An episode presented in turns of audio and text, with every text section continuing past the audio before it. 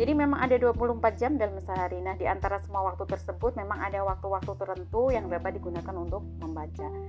Uh, setidaknya ada jenis enam waktu membaca dalam sehari ya yang kalau saya uh, apa uh, uh, lakukan. Biasanya dini hari, terbit matahari, siang hari, sore hari, malam hari dan jelang waktu tidur. Tapi perlu dibahami juga bahwa suasana membaca itu kan kadang bisa datang tiba-tiba. Jadi kalau bisa siapkan saja buku yang mau dibaca itu dekat dengan kita. Jadi bila waktunya tiba-tiba ada, kita bisa langsung pegang buku untuk membaca.